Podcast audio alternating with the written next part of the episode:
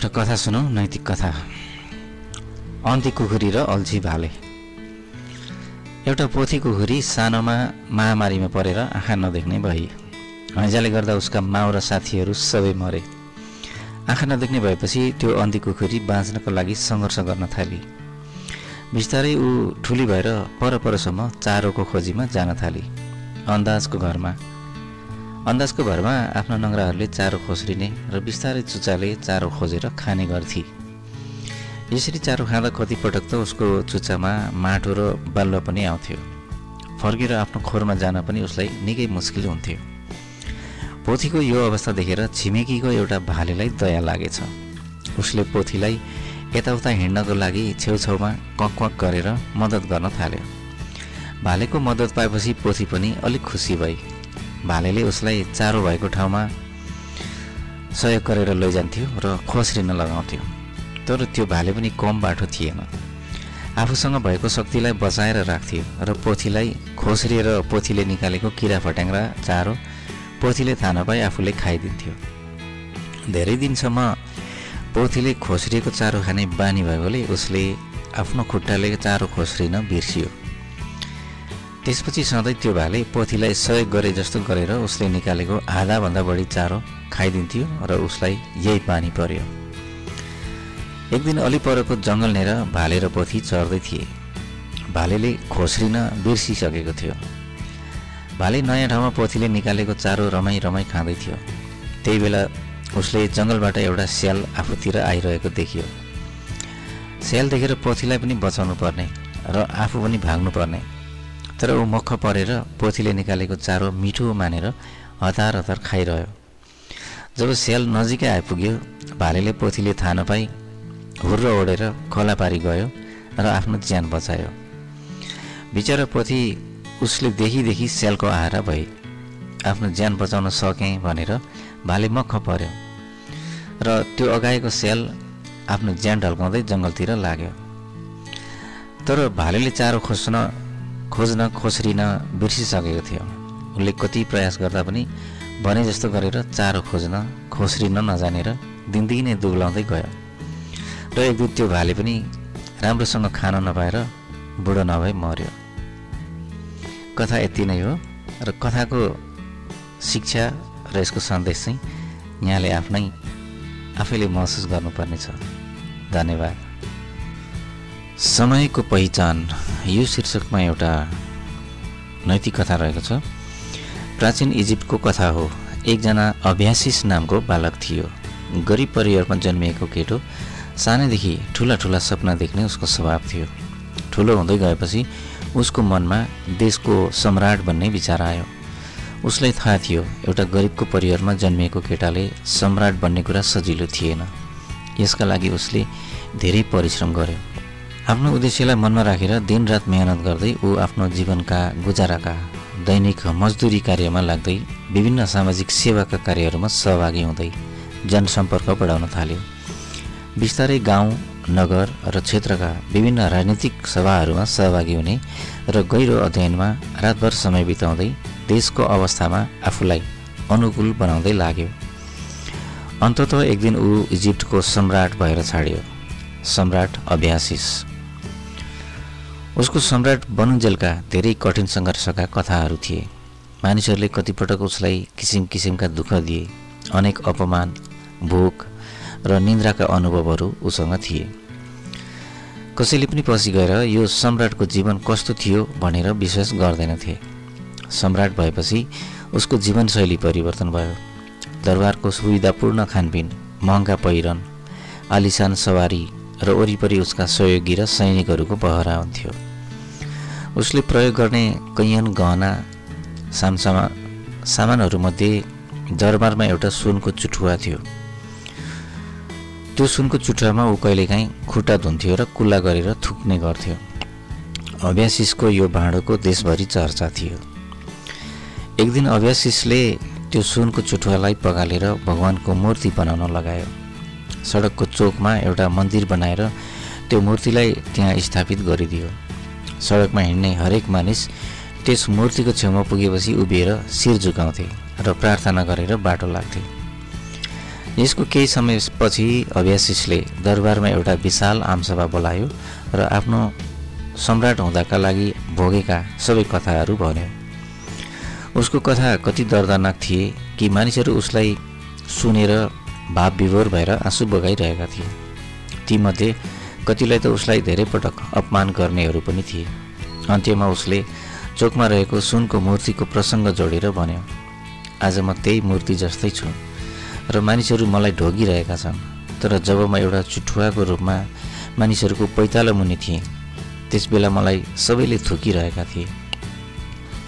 मूर्ति पहिले पनि सुन नै थियो अहिले अहिले पनि सुन नै छ। सम्राट अभ्यासिस पहिले जे थियो अहिले पनि त्यही छ। नाम फरक हुँदैमा मानिसको आत्मा फरक हुन्न। यो कुरा मैले देशवासीहरूमा सुनाउनका लागि समय पर्खिरहेको थिएँ। हरेक कुरालाई बताउनका लागि उचित समयलाई कुर्नु पर्दो रहेछ। त्यही समयमा बोलिएको कुराको मात्र सार्थकता हुन्छ र महत्त्व हुन्छ जुन कुरालाई सही समयमा भनिन्छ।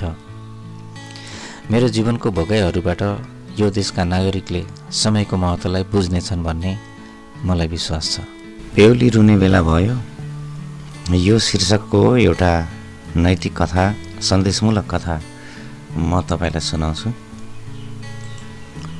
एकजना अमेरिकी युवक र नेपाली एकजना अमेरिकी युवक र अमेरिकन युवती दुवैजना आफ्नो विधामा नेपाल घुम्न आएका थिए। नेपालका गाउँ बस्ती र प्राकृतिक वातावरण उनीहरूलाई साह्रै मन पर्यो रमाइलो गाउँ। मिजासिला नेपाली नेपालीको अतिथिगत सत्कार गर्ने संस्कार यो सबै देखेर घुम्दा घुम्दै उनीहरूको एक महिना समय थाहा नपाई बित्यो। अझ केही दिन घुम्ने उनीहरूलाई मन लगिरहेको थियो। नेपालमा बस्ने थप समयलाई उनीहरूले थपेर अझ बढी नेपालीहरूको घर घरमा गएर नेपालीका चाडपर्वको बारेमा उनीहरूले अध्ययन गर्न थाले। यसरी नेपालमा समाजमा परिचित भएपछि उनीहरूले बिस्तारै नेपाली भाषा पनि सिक्दै गएका थिए। नेपाली चलनअनुसार गरिने विवाहको परम्परा उनीहरूलाई धेरै मन परेछ। त्यसैले उनीहरूले पनि अब नेपालमै बसेर नेपाली संस्कार अनुसारको विवाह गरौँ भन्ने निर्णय गरे। केटोले आफ्नो अस्थायी घर बनायो। एउटा कुनै परिवारको नेपालीलाई आमा बाबु दाजुभाइ इष्टमित्र उसले बनायो यो विवाहको लागि। उता केटीले पनि अलिक परको एउटा गाउँमा आफ्नो एउटा परिवारलाई माइती घर बनाएर त्यो घरमा सबै किसिमको नातागोता जोडेर ऊ बसी। चलनअनुसार विवाहको मगनी भयो विवाहको तिथि तोकियो र सम्पूर्ण तयारी सुरु भयो। विवाहको दिन केटोले घर गाउँले बोलाएर एउटा गाडीमा सजी सजाउ दुलहा बनेर अर्को गाडीमा जन्ती लिएर दुलही लिन गयो। केटी पक्षको घरमा पनि दुलहीलाई तयार गरेर बसे। जस्तो नेपाली संस्कारमा हुने गर्छ तर यो बिहे थियो विदेशीहरूको। र यो विदेशीको विवाह हेर्ने भनेर निकै टाढा टाढाका आफन्त न्यूनताहरू बाहेक अन्य यसमा रुचि राख्ने चासो राख्नेहरू पनि हेर्न आएका थिए। स्वयम्वर भयो। यज्ञको नजिकमा दुलहा र दुलै बसेर पण्डितको निर्देशनअनुसार विभिन्न कर्महरू गर्दै सिन्दुर पोते लगाए कन्यादान भयो गोडा धोए र विवाह सम्पन्न भयो सकियो। अन्त्यमा माइतीहरूले चेलीलाई सगुन खुवाएर बिदा गरे। छोरीलाई माइती घरबाट बिदा गरे। बाटो लाग्ने बेलामा दुलै पनि डाक्को छोडेर रुन थाले। बिस्तारै दुलाको गाडी बाटो लाग्यो। दुलै झन्झन रुन थाले। तर वास्तवमा यो रुवाई उसको भित्र मनबाट आएको थियो कि? उसले त्यो गर्ने चलन यस्तो छ भनेर चलनको पालना गरिरहेकी थिए। कुरा अलिकति गम्भीर छ। सबै चुपचाप थिए जब बेहुली रहेकी थिए। अलिक पर पुगेपछि दुलैले नजिकका एकजनालाई सोधे अब रुन बन्द गरौँ कि? त्यो बिचमा कसैले पनि जवाब दिएन। केटी त्यसपछि पनि सुकसुक गरेर रुँदै थिए। अलिक परसम्म पुगुन्जेल एकछिन रोए। फेरि केही बेरपछि बेहुलीले भने अब रुन छोडौँ? गाडीको चालक हाँस्दै थियो। अन्त्यमा दुलैले दिक्क भएर भने ह्या कति रुन? म त सक्दिनँ धेरै रुन। अब रुन है। कथा चाहिँ यति नै हो। तपाईँले के सुन्नुभयो र के बुझ्नुभयो वास्तवमा? अरूबाट जुन संस्कार सिकिन्छ त्यो संस्कार सिकेर सिकिँदैन। हामीले त्यसलाई सम्मान गर्न मात्र सकिन्छ। संस्कृति भनेको आफ्नो हो। आफ्नो संस्कृतिलाई पालना गर्ने हो। अरूको संस्कृतिलाई अरूको संस्कारलाई सम्मान गर्ने यो कथाको सन्देश। नक्कली अभिनयले संस्कारलाई कहिले पनि वास्तविकता दिन सक्दैन। तपाईँले यो कथा सुन्नुभयो। तपाईँलाई धेरै धेरै धन्यवाद। मलेसियाको जागिर यो शीर्षकमा एउटा नैतिक कथा छ। यो कथा वास्तवमा एकजना मित्रले सुनाएको सत्य घटना थियो। र त्यो कथालाई त्यो घटनालाई मैले सम्झिरहेको थिएँ। र यो घटनालाई कथा बनाइएको छ तर यो घटनामा अथवा यो कथामा पनि एउटा गजबको सन्देश छ जुन हाम्रो लागि सहयोगी हुनसक्छ यो घटनामा मित्रले भनेका थिए मलेसियामा रहँदा दुईजना नेपाली साथीहरू एकजना झापाली एकजना सर्लाईको साथी तराईवासी सँगै बस्थे। उनीहरूको कामको समय फरक थियो तर कम्पनी एउटै भएकोले कोठा एउटै थियो। खाने बस्ने आलो पालो हुन्थ्यो। सुत्ने समयमा उनीहरूको प्राय भेट हुन्थ्यो र अन्य समयमा पनि भेट हुन्थ्यो। यो दुईको मित्रता घनिष्ठ थियो। पारिवारिक दुःख सुखमा साथ दिने घरमा खर्च पठाउँदा पनि दुईजनाको तलब भेला गरेर आलो पालो पठाउने गर्दथे। काम गर्ने क्रममा एकपटक सर्लाईको साथी बिरामी पऱ्यो काममा जान नसकेर ऊ कोठामा सुतेको थियो। यो बेला झापाली साथीले उसलाई अस्पताल लग्यो उपचार गरायो र कोठामा पनि समय दिएर रेखदेख गर्यो। केही दिनपछि आराम गरेर बिस्तारै ऊ ठिक हुँदै गयो। तर विश्रामको लागि अझै म काम गर्न जान योग्य भएको छुइनँ। मैले अझै आराम गर्नुपर्छ भन्ने ठानेर कोठामै बस्थ्यो। झापाली साथी उसको रेखदेखमा समय दिँदै थियो तर जब सर्लाईको साथीमा केही सुधार आयो उसले त्यो समयलाई अलिकति घटाउँदै गयो। त्यति मात्रै होइन अचानक उसँग बोल्न छोड्यो। सन्चो बिसन्चो सोध्न छोड्यो। र बोलाउँदा पनि नबोल्ने त्यो मतलब पनि नगर्ने गर्न थाल्यो झापाली साथीले। त्यो बिरामी साथीलाई उसले चिन्दैन जस्तो गर्न थाल्यो जबकि उनीहरू एउटै कोठामा बस्थे। यतिसम्म भयो कि एकपटक त्यो बिरामी साथी भोकै थियो झापाली साथी बाहिरबाट आयो। उसले एउटा गतिलो बिस्कुट किनेर ल्याएको थियो। त्यो बिस्कुट उसले कपाकप खायो। बिरामी साथीको उसले अनुहार पनि हेरेन खाएको नखाएको पनि सोधेन। र त्यो बिस्कुट कपाकप खायो र बाँकी जुन उसले खाइ नसकेको भाग थियो आधाभन्दा केही कम। त्यो बिस्कुट उसले डस्टबिनमा फालिदिएर काममा गयो। यो देखेर सर्लाएको साथीलाई साह्रै चित्त दुख्यो। के गरेको यसले? मलाई यति धेरै सहयोग गर्यो अस्पताल लग्यो उपचार गरेर ल्यायो र म ठिक हुन्जेल उसले धेरै कुरामा सहयोग गर्यो मेरो लुगा कपडा धोइदियो खाना बनायो खुवायो तर आज एक्कासी मसँग बोल्दैन र आज यो आधा खाएको बिस्कुट चाहिँ मलाई खान्छस् कि भनेर पनि नसोधिकन उसले डस्टबिनमा फालेर गयो। उसलाई साह्रै चित्त दुख्यो। केही दिनपछि त्यो सर्लाईको साथी सकि नसकी काममा गयो। बिस्तारै काम गरेर आयो। केही भिटामिन खायो र अलिअलि गर्दै ऊ पहिलेको जस्तो अवस्थामा लगभग आइपुग्यो। जिउमा केही फुर्ती आयो। उनीहरूको बोलचाल अझै पनि थिएन।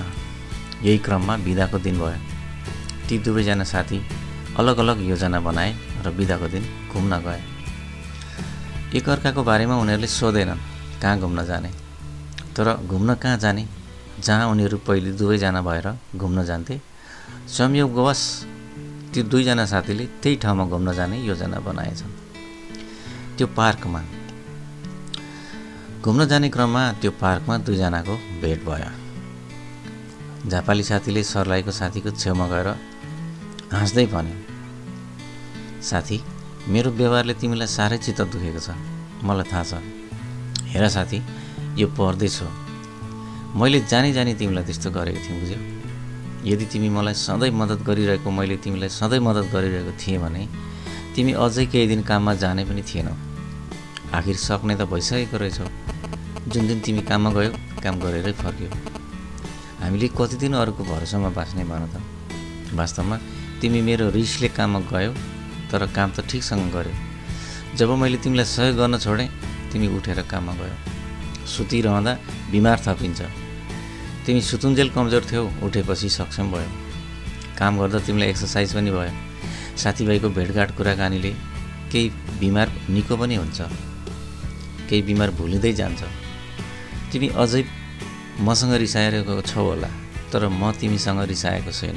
अब तिमी ठिक भयो। म तिमीलाई अझै माया गर्छु। म तिम्रै साथी हुँ यार।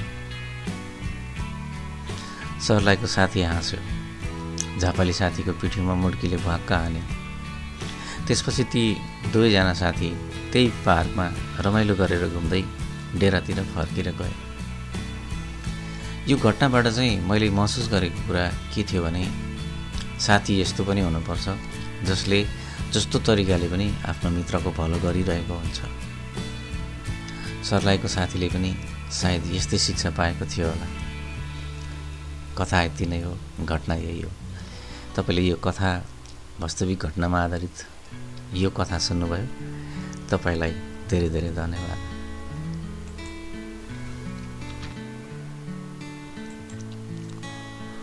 जादुगरको कला यो विषयमा यो शीर्षकमा एउटा नैतिक कथा म तपाईँलाई सुनाउँछु। एकजना जादुगर थियो। जादुकलामा ऊ सबैतिर नामुद जादुगरको रूपमा परिचित थियो। उसको जादुकलाको चमत्कारिक तमासाहरू हेर्न एकैछिनमा मानिसहरूको भिड लाग्थ्यो।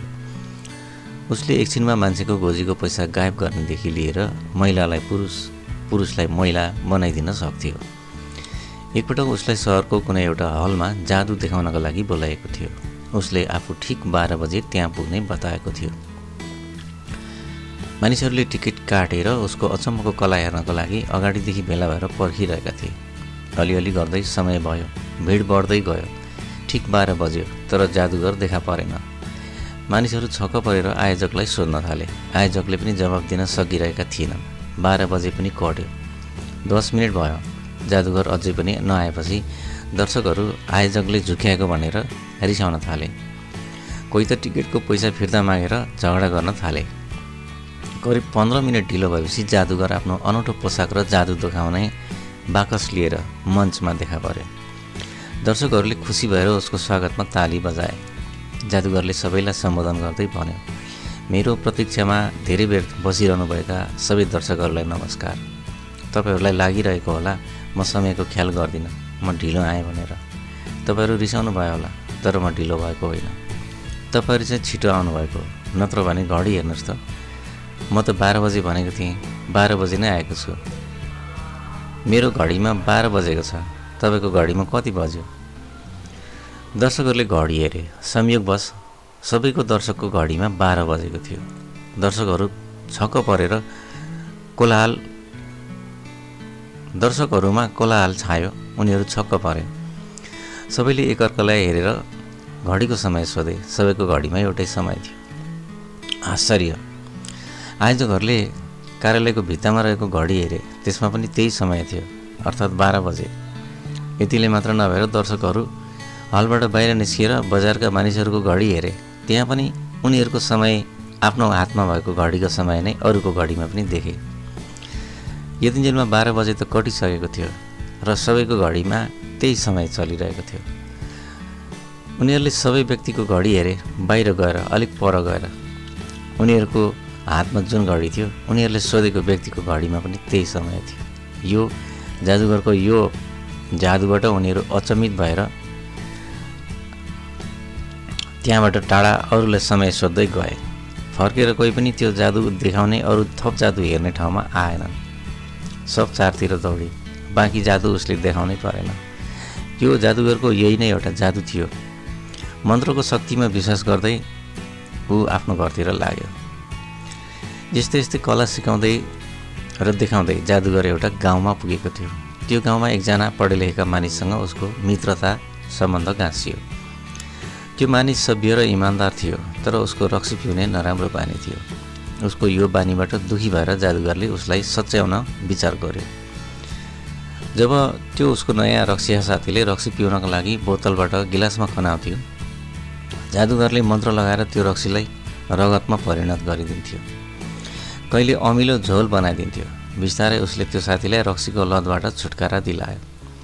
केही दिनको बसाइपट्टि पछि जादुगर त्यो गाउँ छोडेर घर फर्किने बेला भयो। छुट्टिने बेलामा उसले उपहार स्वरूप त्यो साथीलाई केही जादु कला सिकाइदियो। अर्को साथीसँग उपहार दिनको लागि केही थिएन। तर उसले आफ्नो रक्सी खाने बानी छुट्याइदिने त्यो साथीलाई आभारी हुँदै आफैले सधैँ पिउने गरेको रक्सीको बोतल दिएर अबदेखि रक्सी नपिउने भनेर बाचा गर्यो। साथीले दिएको खाली बोतललाई प्रेमपूर्वक बोकेर ऊ घर गयो र त्यो बोतललाई आफ्नो टेबलमा सजाएर राख्यो। अर्को दिन जादुगरको घरमा सहरको एकजना धनी सर्कसवाला सर्कसको मालिक भेट्न आयो। उसले जादुगरलाई आफ्नो सर्कसमा काम गर्न अनुरोध गर्दै भने जति पारिश्रमिक दिने प्रस्ताव राख्यो। त्यसका लागि जादुगरको शक्ति परीक्षण गर्ने विचारले सर्कसवालाले भन्यो म एकछिन आँखा बन्द गर्छु। यदि तिमी सफल जादुगर हो भने मैले आँखा हेर्दा यो कोठाको सबै सामान र तिमी समेत गायब भएको हुनुपर्छ। जादुगरले मुसुक्क हाँसेर ल म प्रयास गर्छु भन्यो।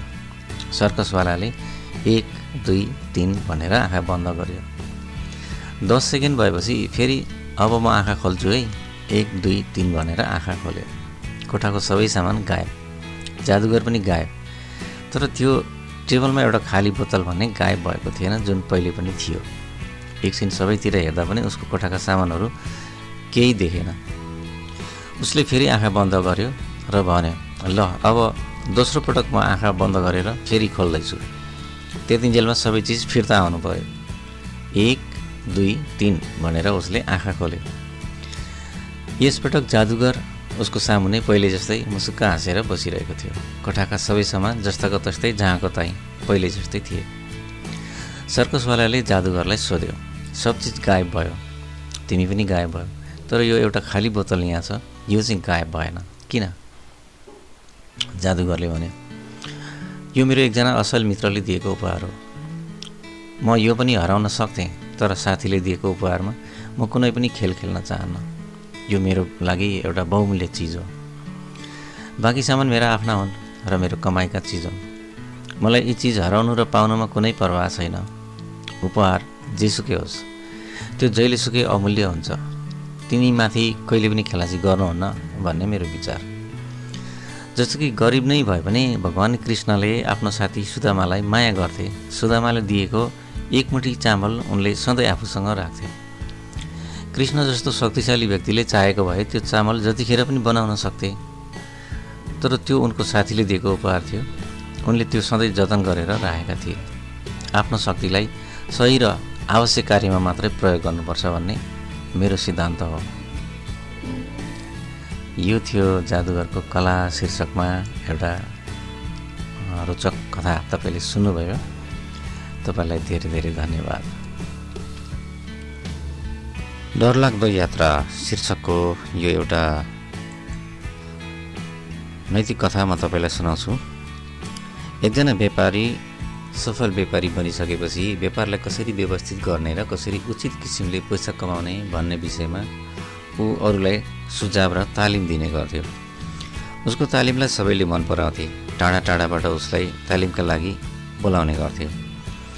त्यही क्रममा हिँड्दै जाँदा तालिम दिने क्रममा ऊ केही महँगो पनि हुँदै गइरहेको थियो। नदेखेका नबुझेका ठाउँहरूबाट उसको माग भइरहन्थ्यो उसलाई बोलाइरहन्थे उसले सिकाएका तरिका र चलाखीको तालिम पाएपछि धेरैजना व्यापारीहरूले प्रगति पनि गर्दै थिए। एक दिनको कुरा ती व्यापारी प्रशिक्षकको कतै नौलो ठाउँमा आफूले नदेखेको ठाउँमा तालिम दिएर दिन जानुपर्ने भयो। र फर्कने बाटोमा तालिम सकेर फर्कँदा चाहिँ त्यो नदेखेको ठाउँ र बाटो थियो। अँध्यारो भइसकेको थियो। ऊ आफ्नो कारमा सहयोगीहरूको साथमा जाँदै थियो अथवा फर्कँदै थियो जङ्गलको बाटो र यो केही लामो बाटो। त्यो पनि अँध्यारोमा। उनीहरू त्यो बाटोमा यात्रा गर्दै गर्दा केही खराबी होला कि भनेर भित्रभित्रै चिन्तित भइरहेका थिए।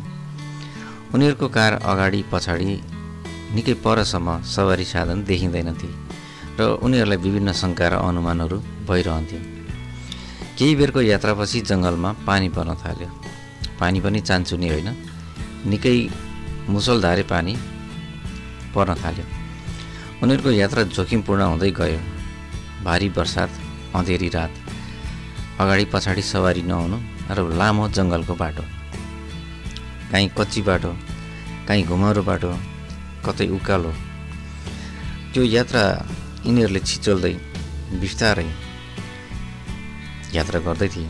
पहिलोपटक चिन्ता र शङ्काको घेराले उनीहरू एकअर्कामा बोल्न सकिरहेका थिएनन् बोल्ने विषय पनि थिएन चुपचाप मनमनै आफैसँग एक्लै बोलिरहेका थिए। करिब आधा घन्टा बाटा बाटो पार भएपछि उनीहरूको गाडी पछाडि पानीमा भिज्दै एउटा युवक मोटरसाइकल तेज गतिमा कुदाएर पछ्याउँदै आइरहेको देखे। यो देखेर उनीहरूको सातो पुत्लो गयो।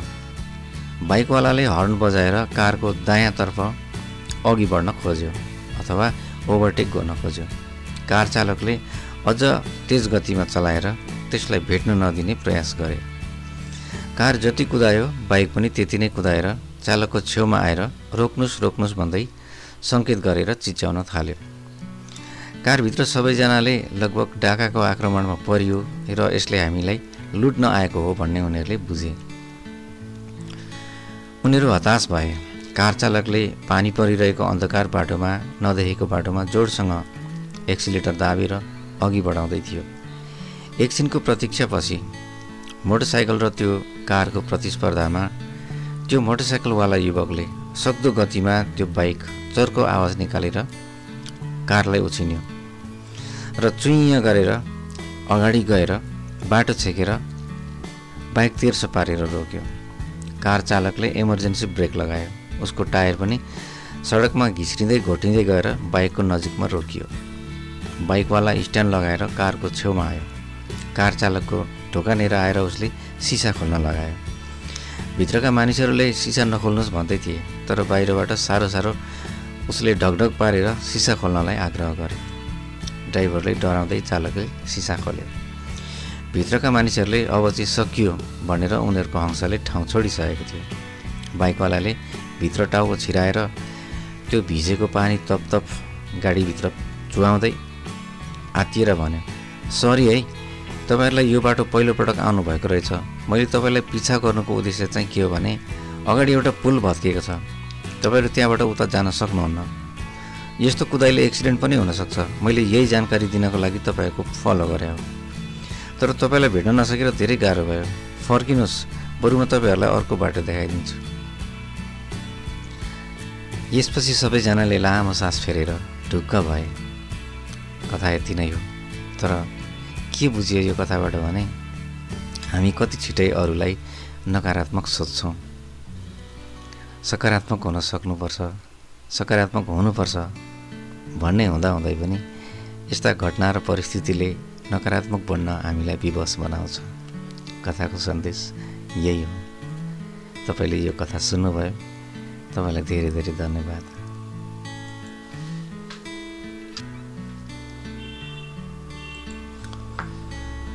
ईश्वर कहाँ बस्छन्? ईश्वर कसरी भेटिन्छ? र ईश्वरले के गर्छन्? यी तिन प्रश्नको जवाब यो कथाबाट तपाईँले सिक्नुहुनेछ। धेरैले सुनेको हुनसक्छ। अकबर बिरबलका कथाहरू धेरै छन्। अकबर बिरबलको कथाको प्रसङ्गबाट यो एउटा कथा मैले तपाईँलाई सुनाउन खोज्दैछु। अकबर राजाले बिरबललाई अचानक तिनवटा प्रश्न गरे। ती प्रश्नहरू यिनै थिए। ईश्वर कहाँ बस्छन्? ईश्वर कसरी भेटिन्छ र ईश्वरले के गर्छन्? यो सुनेर बिरबल एकछिन स्तब्ध भए र भने सरकार यो प्रश्नको म उत्तर म भोलि दिन्छु जब बिरबल घरमा पुगे उनका छोराले उनको अनुहार देखेरै थाहा पाए कि आज राजा अकबरले पितालाई केही अप्ठ्यारो प्रश्न सोधेको छ। र बिरबल ती प्रश्नको उत्तरका लागि सोचमग्न भएका छन्। छोराको खुल्दुली बिरबललाई पनि थाहा थियो। उनले अकबरको प्रश्न छोरालाई सुनाए र भोलि दरबारमा त्यसको उत्तर दिनुपर्ने भने छोराले भने पिताजी भोलि मलाई हजुरको साथमा लिएर दरबार जानुहोला। यो प्रश्नको जवाब म दिन चाहन्छु। भोलिपल्ट बिरबल आफ्ना छोरालाई लिएर दरबारमा गए। अकबरले दरबारको राजसभा सुरु भएपछि बिरबललाई सम्बोधन गरेर भने बिरबल लौ हिजोका मेरा तिनवटा प्रश्नको उत्तर देऊ। बिरबलले राजालाई अभिवादन गर्दै भने सरकार यति जाबो प्रश्नको उत्तर त मेरो छोरालाई नै दिन्छ नि। अनुमति भए म आफ्नो छोरालाई हजुरको सामु पेस गरौँ कि? राजाले टाउको हल्लाएर बिरबलको छोरालाई नजिक बोलाएर बोल्ने अनुमति दिए। राजाले त्यसपछि बिरबलको छोरालाई सोधे ल भन ईश्वर कहाँ बस्छन् बिरबलका छोराले एक गिलास दुध मगाउन राजालाई अनुरोध गरे। राजाले एक गिलास दुध मगाइदिए। त्यसपछि उनले एक डल्लो सक्खर पनि मगाए। युवकले त्यो सक्खर दुधमा घोलेर मजाले फिटे र राजालाई त्यो दुध पिउन लगाए। राजाले सक्खर घोलेको दुध पिएपछि युवकले सोधे सरकार यो दुधमा सक्खरको स्वाद आएको छ कि छैन? राजाले भने अँ दुधमा सक्खरको स्वाद मजाले आएको छ। युवकले भने सरकार ईश्वर पनि संसारको हरेक वस्तुमा घोलिएर बसेका छन्। ईश्वरलाई यसरी नै पिउन सकिन्छ स्वाद लिन सकिन्छ तर देख्न सकिँदैन। जसरी दुधमा सक्खर छ भन्ने तपाईँलाई थाहा छ तर देख्नुहुन्न। त्यसै गरी ईश्वरलाई पनि संसारमा रहेको विश्वास गरिन्छ तर देख्न सकिन्न। हजुरको पहिलो प्रश्नको जवाब। राजाले खुसी भएर अर्को प्रश्न गरे ल भन ईश्वरलाई कहाँ भेटिन्छ? युवकले राजासँग बिन्ती गरेर अलिकति दही मगाउन भने दही मगाइयो। युवकले भने सरकार यो दहीमा घिउ छ कि छैन? राजाले भने दहीमा घिउ किन हुन्न? छ नि। तर मथेर मात्र त निस्किन्छ। त्यो त तिमीलाई थाहा छ होला। बालकले जवाब दिँदै भने यो हजुर मथेर निस्किन्छ। हो हजुर। घिउ मथेर नै निस्किन्छ। ईश्वर पनि त्यस्तै हो। ईश्वरलाई पाउनको लागि मथ्नुपर्छ मन्थन गर्नुपर्छ तर मनलाई मनमा मन्थन गर्नुपर्छ मनभित्रै ईश्वर पाउन सकिन्छ। यो दोस्रो प्रश्नको जवाब थियो। राजाले अन्तिम प्रश्न गर्दै भने ल ठिक छ। अब मेरो अन्तिम प्रश्नको उत्तर देऊ। ईश्वरले के गर्छन् युवकले भने महाराज यो प्रश्नको उत्तर केही जटिल र चुनौती छ। त्यसैले यसको उत्तर पाउनको लागि हजुरले मलाई गुरु मान्नुपर्छ। राजाले भने ल ठिक छ। मैले तिमीलाई गुरु माने। तिमी मेरो गुरु म तिम्रो शिष्य। युवकले भने बालक गुरु सधैँ उच्च स्थानमा बस्छन्। तिमीले मलाई गुरु मानेकै हो भने। अब तिमीले मलाई आफूभन्दा अग्लो स्थानमा बसाउनुपर्छ। यो थियो बिरबलका छोराको कुरा। उनले जब राजाले गुरु भने तब बालक भनेर तिमी भन्दै सम्बोधन गरे। र उनको कुरा सुनेर अकबरले युवकका लागि सिंहासन नै खाली गरिदिएर बस्नको लागि आग्रह गर्दै आफू तल गएर बसे। युवक राजाको सिंहासनमा गएर बसे। महाराज हजुरको अन्तिम प्रश्नको जवाब यही हो। यहाँनिर फेरि उनले यथार्थमा आएर जवाब दिँदैछन् राजाले सोधे तिमीले भन्न खोजेको के हो? युवकले मुस्कुराउँदै भने हजुर ईश्वरले पलभरमै राजालाई रङ्क बनाइदिन्छन् र भिखारीलाई सम्राट बनाइदिन्छन् म एउटा मन्त्रीको छोरो। अहिले यो सिंहासनमा बसेर राजाको स्थानमा छु। तपाईँ राजा हुनुहुन्थ्यो। अहिले त्यहाँ प्रजाको स्थानमा हुनुहुन्छ। त्यसैले भगवान्ले जुन बेला जे पनि गर्न सक्छन्। संसारमा कसैको शक्ति र दुर्बल दुर्बलता सधैँको लागि हुन्न। ईश्वरले क्षणभरमै बदलिदिन पनि सक्छन्। यो थियो अकबर बिरबलको कथाबाट लिएको तिनवटा प्रश्नको उत्तर। ईश्वर कहाँ बस्छन्? ईश्वरलाई कसरी भेटिन्छ? र ईश्वरले के गर्छन्? यो प्रश्नको उत्तर तपाईँको लागि पनि चित्त बुझ्दो छ होला। कथा पुरा सुन्नुभयो। तपाईँलाई धेरै धेरै धन्यवाद। लक्की नम्बर नाइन यो शीर्षकको एउटा रोचक कथा तपाईँलाई म सुनाउँछु। साह्रै गजबको छ र यो कथा मलाई म मैले भन्न सक्छु मलाई यो कथा थाहा छ भनेर जानेका साथीहरूले धेरै पटक दोहोऱ्याएर यो कथा मलाई भन्न लगाउनु पनि भएको छ। यो गजबको कथा छ तपाईँ पनि सुन्नुहोस्। लक्की नम्बर नाइन भनेपछि सबैले चिनेको एकजना मानिस थियो। उसको नाम किन लक्की नम्बर नाइन थियो भने ऊ सधैँ नौ अङ्कमा विश्वास गर्थ्यो। अर्थात् उसको लक्की नम्बर चाहिँ नौ नौ नौ हो। उसले नौ नम्बरलाई यति पिछा गर्थ्यो कि दिनमा नौ पटक खाने गर्थ्यो। नौ बजी राति सुत्थ्यो। बिहान नौ बजे अफिस जान्थ्यो। एकजनासँग बोल्नु पऱ्यो भने सकेसम्म नौ मिनटभन्दा बढी नबोल्ने। भाषण गर्दा नौ मिनट मात्रै बोल्ने। कार्यालयको काम पनि नौ घन्टा। ऊ जे गर्दा पनि नौ चाहिन्थ्यो उसलाई। बजारमा गएर तरकारी किन्दा कि त नौ केजी कि त नौ सय ग्राम। यसकारण उसलाई सबैले लक्की नम्बर नाइन भनेर बोलाउँथे। त्यो मानिसले एउटा कम्पनीमा नौ वर्ष काम गर्यो र उसले जम्मा गरेको पैसा जति थियो त्यसमा उसले नौ पुर्याउनको लागि नौ अङ्क कायम गर्नको लागि नौजनासँग ऋण लियो। र त्यो पैसा उसले नौ अङ्क कायम गरेर त्यो पैसाबाट उसले नौ तले घर बनायो। त्यो सबै तलामा नौवटा कोठा।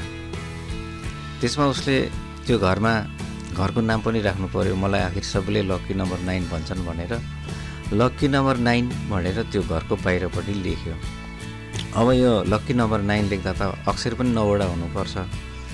तर शुद्ध गरेर लेख्ने हो भने त लक्की नम्बर नाइन लेख्दा त नौवटा अक्षर हुँदैन। उसले अशुद्ध पारेर घरको नाम पनि लक्की नम्बर नाइन लेख्दा अशुद्ध तरिकाले लेख्यो। ल क नम्बर नाइन भनेर घरको नाम राख्यो। अति पनि कति हो भने उसले श्रीमतीसँग सल्लाह गरेर हेर बुढी अब हाम्रो सबै कुरामा नौले साथ दिएको छ अहिलेसम्म। हाम्रो सन्तान छैनन्। अब सन्तान चाहिँ नौजना जन्माउनु खुरु खुरु भनेर श्रीमतीलाई प्रस्ताव राख्यो। श्रीमतीले इन्कार गरिन् र उसले श्रीमतीलाई धम्की दियो। त्यसो हो भने म नौजना श्रीमती ल्याउँछु र त्यो नौजना श्रीमतीबाट एक एकजना सन्तान जन्माएर नौजना सन्तान बनाउँछु भनेर श्रीमतीलाई धम्की दियो अनि श्रीमतीले उसको धम्की स्वीकारेर उसलाई छोडेर उसको श्रीमती अन्तै गइन् अनि उसले नौवटी श्रीमती ल्यायो। नौजना सन्तान जन्माउनको लागि नौ तले घरको एकवटा तलामा राख्यो। कसैले मोबाइल नम्बर माग्दा पनि ऊ अगाडिको नम्बर दिँदैन थियो। दसवटा नम्बर हुन्छ ऊ नौवटा नम्बर मात्रै बताउँथ्यो जीवनमा उसलाई सकथोक नौ चाहिने। र उसको जीवनमा नौ यसरी जोडिँदै गयो। र उसले एक दिन सोच्यो मेरो हातको औँलाहरू दसवटा छ मलाई यो दसले साथ दिँदैन। मलाई नौ चाहिन्छ। उसले अस्पताल गएर दुवै हातको एक एकवटा औँला काटेर नौवटा मात्रै राख्यो। त्यो अस्पतालमा बस्नको लागि उसलाई दुई तिन महिनामा बिदा दिइसकेको थियो। तर होइन म नौ महिना बस्छु भनेर ऊ नौ महिना अस्पताल बसेर डिस्चार्ज भयो। अब हातको औँला त नौवटा भयो ठिक छ। तर खुट्टामा त दसवटा छ त्यसरी त हुँदैन। उसले खुट्टाको औँला पनि त्यसै गरेर एक एकवटा हटाएर नौ नौवटा बाँकी राख्यो। तर भयो के भन्दाखेरि चाहिँ उसले फेरि खुट्टाको अपरेसन गरेर नौ महिना बसेर निस्किँदाखेरि जब ऊ ठिक भइरहेको थियो एक दिन चाहिँ ऊ बिहानको मर्निङ वकमा जाँदा उसको खुट्टामा ठक्कर लाग्यो। ठक्कर लागेपछि जुन काटेको घाउ थियो त्यो घाउमा उसलाई चोट पर्यो। र त्यो चोट परेको बेलामा उसले अस्पताल जानुपर्ने थियो। तर उसले सोच्यो आज नौ तारिक होइन आज म जान्न। आज त सत्र अठार मात्रै हुँदैछ। जब नौ तारिक आउँछ तब जान्छु। त्यतिन्जेलमा उसको खुट्टामा इन्फेक्सन भइसकेको थियो। उसको घाउको सरसफाइको कमी अन्य असावधानीले उसको खुट्टामा इन्फेक्सन भएर घाउ भएको थियो। हातमा पनि त्यस्तै केही समस्या भयो र त्यो उसलाई निको पार्न नौ महिना लाग्यो।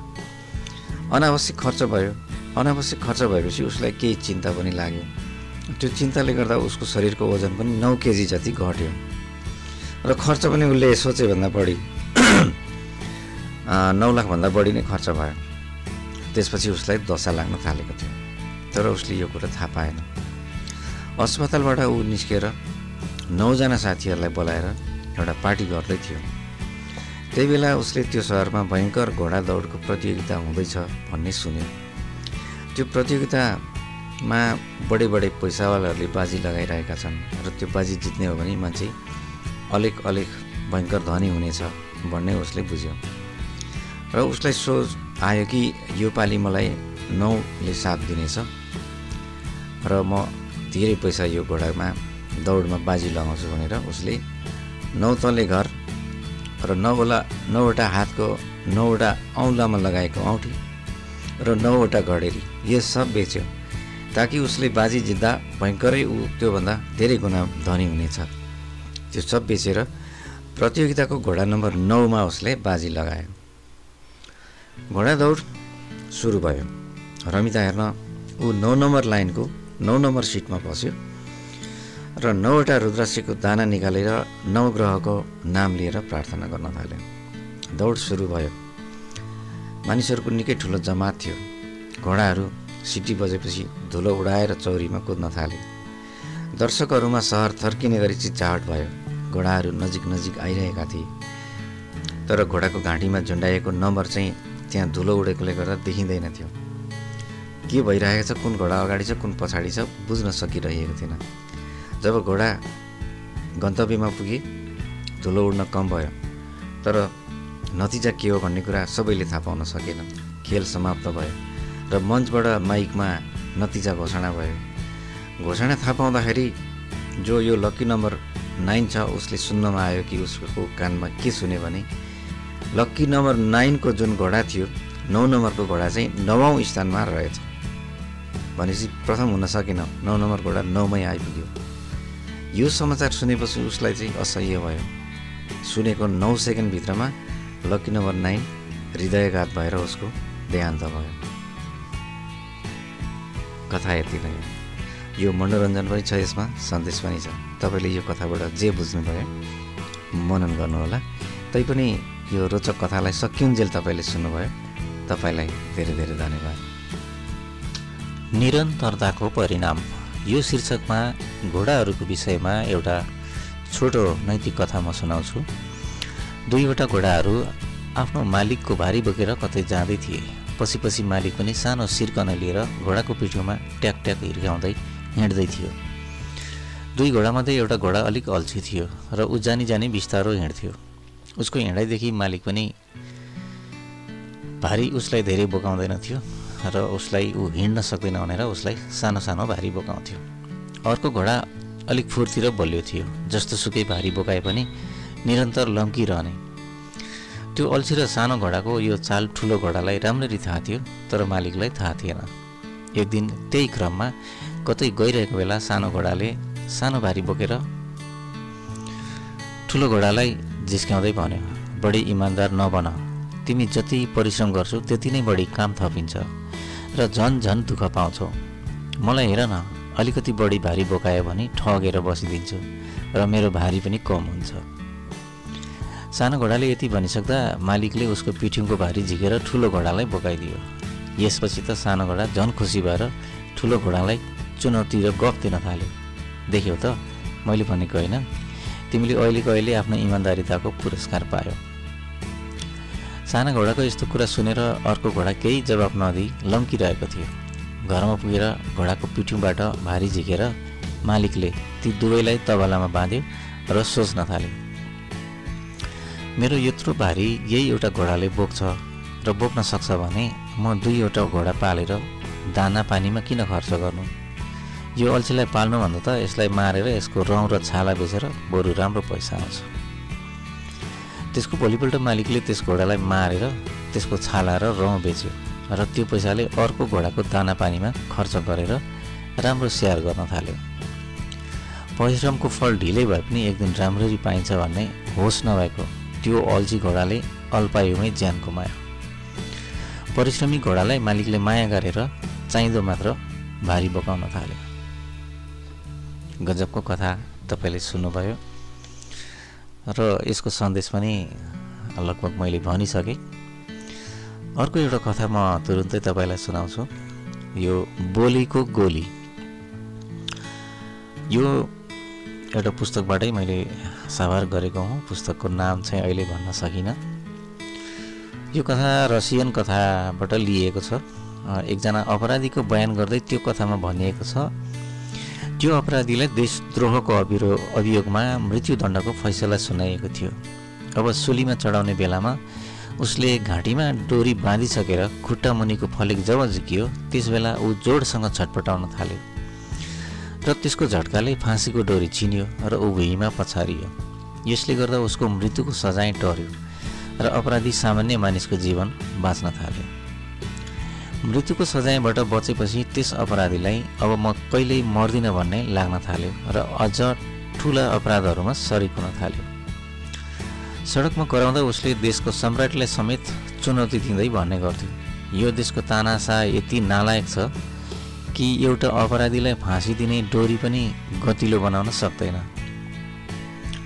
त्यस अपराधीको धम्कीको खबर देशको सम्राटको कानमा पुगिसकेको थियो।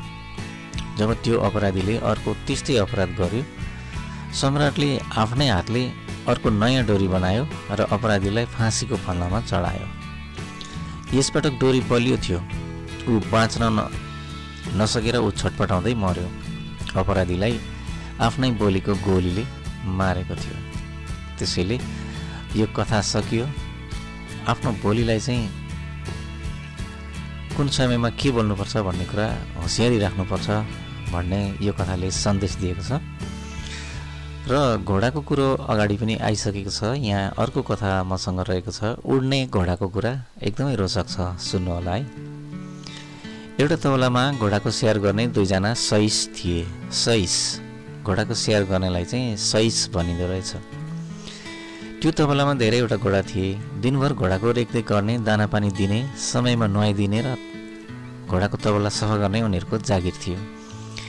एकजना धनी व्यापारीको यो तबलामा लामो समय काम गर्दा गर्दा उनीहरू वाक्क भइसकेका थिए। कारण अर्को पनि थियो कि व्यापारीले उनीहरूलाई सधैँ एउटै तलबमा काम लगाएको थियो जसले गर्दा उनीहरूको परिवार बचाउन मुस्किल पर्दै गएको थियो। रिसाहा र व्यस्त मालिक। त्योसँग बोल्न डराएर उनीहरूको यो समस्या चर्किँदै गइरहेको थियो। एक दिन आँट बटुलेर ती सैसहरूले मालिकलाई खुसी भएको देखेर आफ्नो तलब बढाइदिन आग्रह गरे। मालिकले एकछिन त केही बोलेन।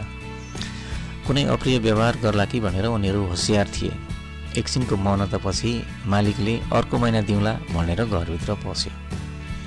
एक महिनापछि तलब दिँदा मालिकले पहिलेकै तलब दियो। युवकहरू छक्क परेर पुरानो कुरा सम्झाए।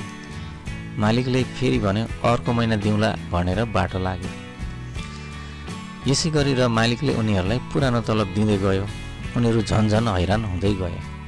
अति भएपछि उनीहरूले एक दिन घोडालाई दाना पानी बन्द गरेर दिनभर चुपचाप बसे। मालिक साँझमा आफ्नो कालो घोडा लिएर तबलामा आयो। सधैँ जसो उनीहरू कालो घोडाको लगाम समात्न आएनन्। उनीहरूको तरिका देखेर मालिक रिसाले राँको भएर हप्काउन थाल्यो हिम्मत गरेर ती सहिसहरूले पनि त्यस्तै जवाब दिए। तपाईँले हामीलाई धेरै पटक झुक्क्याउनु भयो। अब हामी तपाईँको काम गर्दैनौँ। केही जानकारी दिनको लागि हामी तपाईँलाई पर्खेर बसेका छौँ।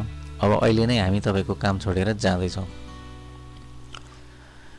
नोकरहरूको कुरा सुनेर मालिक एकछिन पख भनेर घरभित्र पस्यो।